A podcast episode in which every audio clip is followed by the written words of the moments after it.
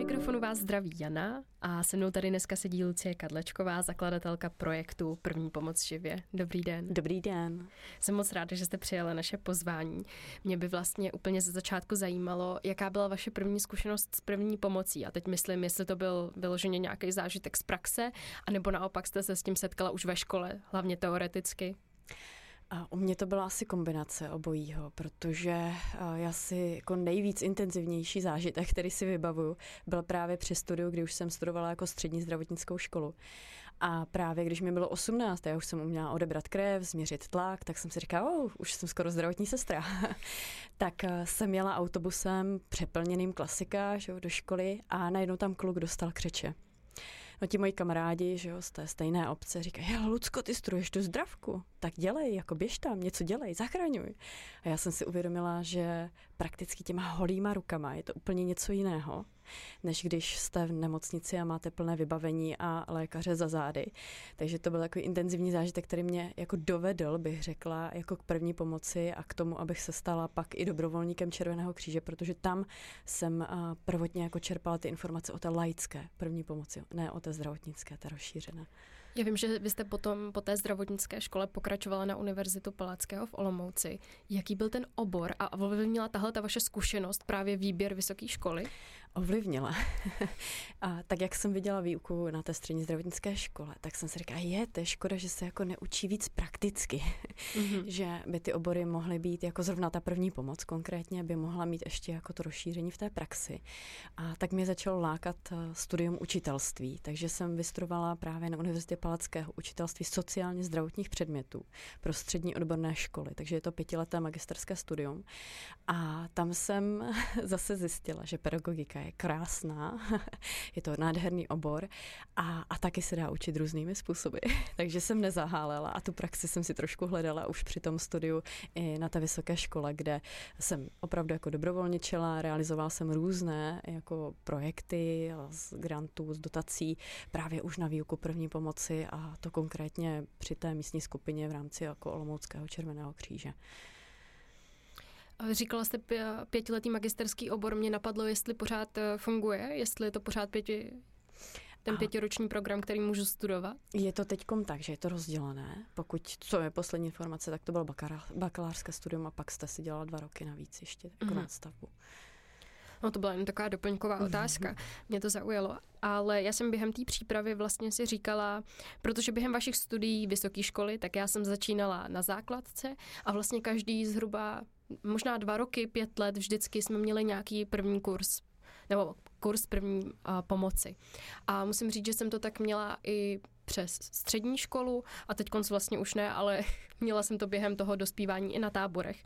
A jsem se vlastně chtěla zeptat, jestli jsem výjimka, nebo jestli už je to naopak vidět, že se něco mění. A za mě je to jako neukotvené, tak asi bych to nazvala, že mm. a jako chybí jako jistá strategie v tom, jak učit jako první pomoc napříč jako věkem mm. a samozřejmě jako v rámcovém jako školním oboru je a, jako první pomoc zahrnutá, máte tam a, člověka, přírodu, pořád se to tam prolíná, jako to zdraví, anatomie, první pomoc a tak, ale jako uchopit to celkově a říct si, ano, budeme to dělat systematicky od 6 let a takovým a takovým způsobem, tak to jsem nezavnímala, že by tady zatím bylo. A, a to, co vy popisujete, tak je to spíš jako vaše zkušenost a je to takhle jako roztříštěné, co škola, tak jiný způsob k tomu, mm-hmm. jak učí první pomoc, jak do hloubky učí. A je třeba skvělý, že my jsme v projektu Den pro školu, a kde tak jako dobrovolničím teď v rámci možností, jak mi to čas mm-hmm. dovolí a děti dovolí, tak jezdím třeba po školách a učím zdarma, a protože mi to dává smysl zase předávat ty zkušenosti, které já jsem měla možnost načerpat jako žákům, studentům a zároveň jim ukazovat, že ten obor jako zdravotnictví je jako krásný. Náročný, ale krásný. Mě tahle otázka napadla i v vlastně v souvislosti s tím, že jsem viděla, že u vás na webu pra, uh, prezentujete tu statistiku, že pouze 14% lidí v České republice ví, jak poskytnout první pomoc. A mně to přišlo strašně nízký číslo, vzhledem k tomu, že jsem viděla i třeba rozhovory v DVTV, kde se prezentoval ten uh, pan uh, sanitář a říkal, Češi umí poskytnout prostě první, první pomoc. Tak je to Zase nějaký mýtus? Mm, nemyslím si, ten průzkum už je docela starý, asi by stálo za to udělat jako hezký a nový výzkum, který by to číslo jako uh, asi dal do aktuálních nějakých konotací a tak. Ale uh, teďkom jako myslím si, že my Češi máme odvahu pomoct. Jo, že máme odvahu tam mít a něco udělat, když se takového, jako, u ničeho takového jako naskytneme. Jo. Takže myslím, že odvaha nám nechybí, takže to číslo bych brala jako s rezervou a už je to jenom o tom, že dneska, když uh, seberete tu sílu, tu odvahu a půjdete a zavoláte na tísňovou linku, tak dneska dispečeři tísňové linky 155 jsou opravdu výborně školeni na to, aby vám poskytli telefonicky asistovanou první pomoc, aby vás krok po kroku po, jako provedli tu záchranu. Takže máme na to jako ten IZS, ten náš jako systém, integrovaný záchranný systém v České republice je na to velmi dobře připravený, na to, aby lajkům poskytnul součinnost. Přijde jako docela hezký, optimistický update toho, co jste právě říkala. A já se možná zeptám, jak jsme na tom v porovnání s jinýma zeměma, mm. protože já už jsem to tady mimo uh, rekord říkala, ale můj přítel je z Belgie a my, já když jsem si dělala tuhle přípravu a říkám mu, no já jsem se s první pomocí setkala, když mi bylo 6 let a pak jsem to měla na táborech a tak a můj přítel mi říká, já jsem to nikdy neměl. Mm-hmm. Je moje 35 mm-hmm. a v životě neměl kurz první pomoci. Mm-hmm. A nedokážu říct, jako, jak to v každé zemi funguje. Je to zase, každá země si to určuje jinak a napadá mě třeba srovnání s Rakouskem, mm-hmm. kde uh, víceméně záchrannou službu zajišťuje i Rakouský červený kříž. Jo? A tam ta výuka je teda systematicky uchopená od mládí a uh, je to tam trošku jako jiné, jde to vidět, jo. Mm-hmm. Zároveň nedokážu srovnat, jestli ta míra, ta ochota pomoci je stejná. To vždycky bude podle mě dvě rozdílné věci, jestli máte tu znalost a dovednost a pak tu ochotu jít někomu pomoct. To mi přijde, že my jsme Češi takový hodně solidární, je že to, to je vlastně na tom možná to nejhezčí. Pojďme k vašemu projektu. První pomoc ze živě. Co to dělá jedinečným tím projektem? Jaký je rozdíl mezi teda běžným kurzem první pomoci a během toho vašeho? Jak mm-hmm. se to mhm. liší? Mm-hmm. Kdybyste teď přišla k nám na kurz, tak já bych se vás jen zeptala, je, co byste asi dělala, když mě tady teď píchá na hrudi? Mm-hmm. Je mě blbě. Já už dvě hodiny tam cítím takový tlak, mám strach o svůj život. A ten kurz probíhá od začátku až do konce. Hodně o, na praktických příkladech, hodně na tom, že se ptáme, čerpáme z toho, co vy sami víte a na to navazujeme. Samozřejmě je tam nevyhnutelná část nějaké teorie, kdy musíme na začátku sladit ty informace těch účastníků, mm-hmm. protože když si představíte 15 lidí, který přesně, někdo tam přišel ze znalostma ze základní školy, někdo tam přišel ze znalostma z nějakého superkurzu a my potřebujeme ty věci jako trošku sladit, takže na začátku ten kurz je i teoretický, ale hodně používáme audio, video, ukázky, hodně se takhle jako ptáme, tak jak jsem vám to teď předvedla a snažíme se to uvést přímo do praxe. A potom už je ta nejzábavnější část a to je ta praktická, takže nejenom, že si všichni vyzkouší samozřejmě základní neodkladnou resuscitaci a na těch figurínách, které jsou k tomu určené dneska jsou úplně skvělý, jsou napojeny na iPady, všechno to umí změřit. Jo? A pak eh, je ta nejlepší část, kdy vy si zahrajete na zraněného, ale zároveň i na zachránce, takže používáme líčidla, používáme umělou krev a dáme vám do ruky lékárničku a půjdete mě ošetřit, když tam budu mít opravdu skoro reálně vypadající ránu na ruce a budete muset konat, nebude to sezení v lavici. Takže ty kurzy jsou praktické, mm-hmm. jsou laděný dost do emocí a právě do toho, aby jsme dodali lidem tu odvahu. Jo, často se setkáváme s tím, a je, a ten postup je jaký a taký a takový a makový. Říkáme, důležitější je, že z toho davu vystoupíte a budete pomoct. Máme dneska, jak jsem říkala, ty dispečery. Zásadní je ta ochota jít někomu pomoct a pak už se to dá relativně zvládnout. A jestli to bude podle příručky A, a nebo podle příručky B, už takovou roli nehraje.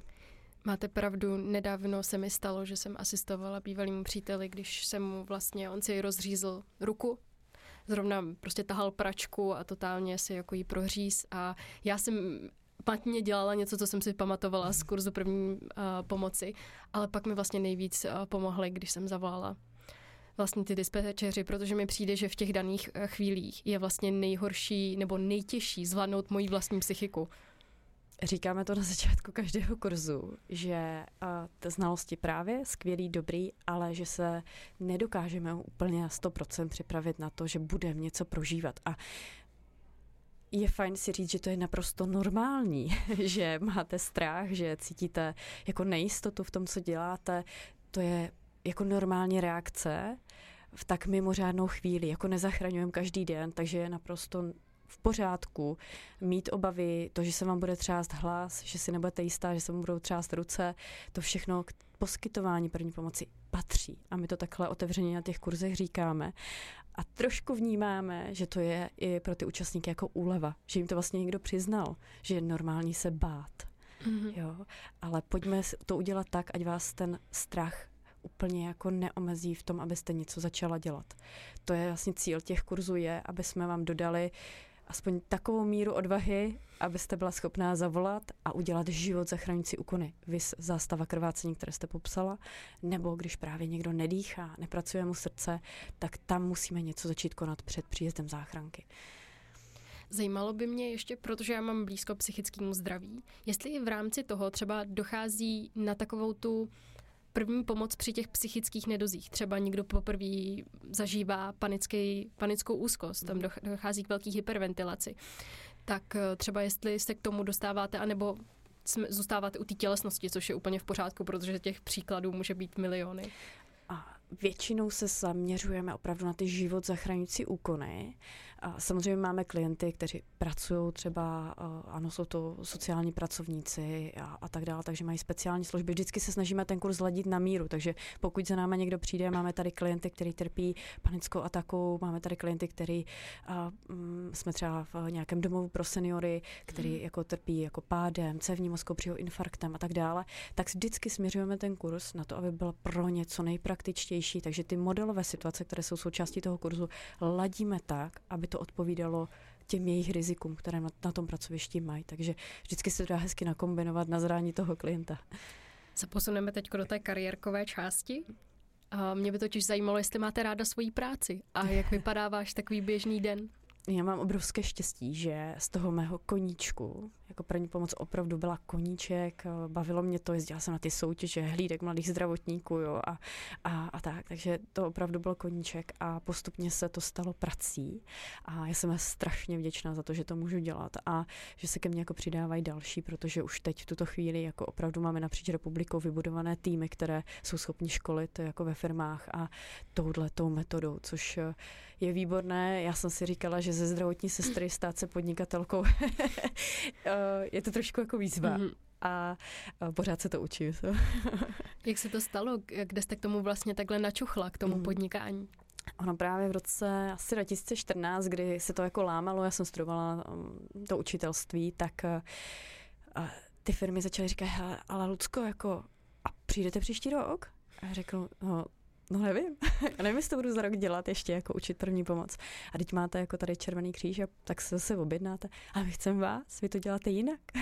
Kam, mm, to je docela dobré znamení pro to, abych se nad tím zamyslela. Takže a pak jsem si říkala, tak se zeptám ještě těch jako zkušenějších. Takže jsem se přihlásila do startupu tenkrát. Vlastně od T-Mobile rozjezdy roku vyhráli jsme krajské kolo a tím jsem dostala zpětnou vazbu od jako podnikatelů a říkají, to je jako dobrý, dobrý záměr, pojďte v tom něco dělat, líbí se nám to.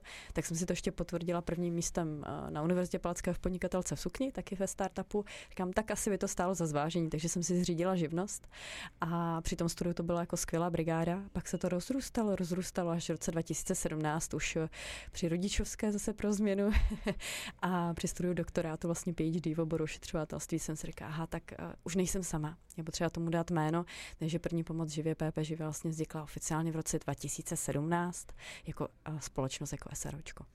A přežili jste i covid a přežili jste i vlastně teď krizi? Nebo přežíváte? Přežíváme. Covid byl náročný v tom, že to mě čekalo druhé těhotenství a já jsem si říkala, jak je to krásně nastartované a všechno funguje bez mě a ono do toho covid, že jo? Takže hmm. ze dne na den tím, že jsme zaměřený, jako zaměřený na prezenční kurzy, opravdu na zážitek, tak jsme opravdu přišli jako z dne na den o práci a váhli jsme, co s tím, jak to budeme dělat do onlineu, jak přemístíme zážitek do onlineu a byla to výzva tak jsme nějak jsme si s tím poradili, začali jsme dělat online jako workshopy, hlavně pro klienty, které jsme měli nasmlouvané, že jo. A začali jsme vymýšlet, co do onlineu. A právě COVID nás zároveň přiměl ke změně a teďkom aktuálně máme vyvinutou aplikaci ve vteřině. Je to mobilní aplikace, i na desktop se dá použít a bude k dostání, už je ve storech, ale v testovacím módu, takže kdo chce, si stáhne, ale odpuste nám chybičky ještě. a, ale v únoru chystáme docela velkou kampaň a je to udělané opravdu interaktivně, takže vy si stáhnete aplikaci a řeknete si, dneska se naučím auto nehodu. A najednou se vám tam rozjede video a odvíjí se tam jako příběh, který mm-hmm. je mhm. natočený a ten se v nějaký moment zastaví. Jo, a vy musíte reagovat, když si zastavíte před nehodou, za nehodou, takže to forma takového kinoautomatu. Máte tam test, máte tam možnost se jako dozvědět, co jste udělala špatně, vyhodnotí vám to ty chyby, takže je to udělané takovou jako interaktivnější formou. Takže když online, tak jako trošku zážitkem. Mně to přijde moc super a chtěla jsem se právě zeptat, protože mně přijde neuvěřitelný kdykoliv, když někdo z neziskového záměru udělá ziskový. Vás to živí. Ano, je a živí to, tak to i celý váš tým. je to tak. A tyhle ty třeba online kurzy, které máte i na webu, tak eh, to jsou taky položky, které si můžeme koupit? A nebo ta aplikace je přímo zadarmo? Mm-hmm, tak uh, záměr té aplikace je takový, že bychom chtěli rozšířit osvětu jo, mm-hmm. první pomoci. Takže jsme se rozhodli, že ten základ dáme úplně všem zdarma. Takže ten základní kurz, kde máte právě bezvědomí, krvácení, autonehodu, je odemčený, můžete si ho prostě vyzkoušet. A pak takové ty další kurzy, jako teď tam je první pomoc u dětí, tak ten už je spoplatněný. Takže mm-hmm. a, ten, a máme v plánu jako dělat další první pomoc v přírodě jo, a, a jako naskýtá se nám mnoho možností, co, co s tou aplikací jako dělat dál. Úplně nám utekla ta otázka, jak vypadá váš běžný den? Aha, jo. jako lektorka první mm. pomoci. Tak já jsem ještě pořád v kombinaci s maminkou, takže mm-hmm. mám dvě děti, mám tříletého syna a sedmiletou dceru, takže ono to ráno se točí hlavně, hlavně kolem dětí a když mi je to umožněno, tak samozřejmě jdu do práce a dneska už je to tím, že máme trošku jako tým, opravdu i interní takových jako třech lidí, kteří to se mnou už mají na starost, tak je to snažší, že jsem zastupitelná, ale tři dny v týdnu se snažím být opravdu jako v práci, když to mm-hmm. takhle nazvu. Zbytek jsem ještě pořád maminka. A jsou kurzy, na které pořád jezdím, protože jsou něčím výjimečný, jsou nějak třeba speciálně, je tam nějaké zadání toho klienta, takže se snažím jako pořád jezdit, školit a dávat zase supervizi těm mým lektorům, aby oni věděli, měli zpětnou vazbu na to, jak to dělají. Teď mi vlastně napadla otázka, co by člověk měl umět, kdyby u vás chtěl dělat lektora? Mm-hmm. To je dobrá otázka. My máme už vybudovaný systém jakoby náboru pro lektory mm. a je to docela náročné, musím říct. Nezáleží úplně z jakého jste oboru, musíte mít samozřejmě jako vzdělání aspoň jako školitele první mm-hmm. pomoci, což na to je akreditovaný kurz MŠMT, je to člen první pomoci, tak ten je takový jako minimálním vstupním jako uh, jo, podmínkou u nás a potom absolvujete víceméně tříměsíční takový jako adaptační proces, ve kterém se uh, sladíte s našimi jako hodnotama, jak to máme v týmu nastavené, jak učíme, jakýma metodama a jezdíte na náslechy společně jako s, se zkušenými lektorami. A pak eh, dostáváte takový, my tomu říkáme den D, kdy prezentujete eh, ten kurz před právě staršíma jako lektorama, kteří jsou zkušenější. My vám na to dáme zpětnou vazbu jako zkušení lektoři. A když neznáme, že to je v pořádku, tak vás necháme otočit část kurzu, už zase ještě ale pod vedením teda jako dalšího lektora. A pak se postupně posunujete a učíte jako celý kurz už třeba sám že je to docela zdlouhavý proces a neříkám, že přežijou všichni, tak. Mě by zajímalo a klidně můžete říct, že nechcete odpovídat, ale jenom uh, chtěla bych být transparentní k těm lidem. Kolik si takový člověk může vydělat, když školí první pomoc? Mm-hmm. Jako my lektoři jsou spokojení a je to hodně o tom, že jsme jako otevřená firma, bych řekla. Mm-hmm. I mhm. co se týká financí, tak já docela se snažím komunikovat transparentně s lektorama. Moc dobře tuší, kolik stojí ta jedna figurína, která to všechno umí změřit, takže jsou eh, v pohodě s tím, že tam jsou jako jisté náklady, ale eh, mají to jako docela dobrou brigádku, když jsou mezi lektorama jako mm, záchranáři, právě mm-hmm. třeba dispečeři nebo pedagogové, tak se u toho dá docela dobře jako oni říkají, vydělat, takže za ten den dostanete, myslím, jako ohodnocení lektora, které je docela jako slušné, takže kdybych to zprůměrovala, určitě je to pětistovka na hodinu. Super.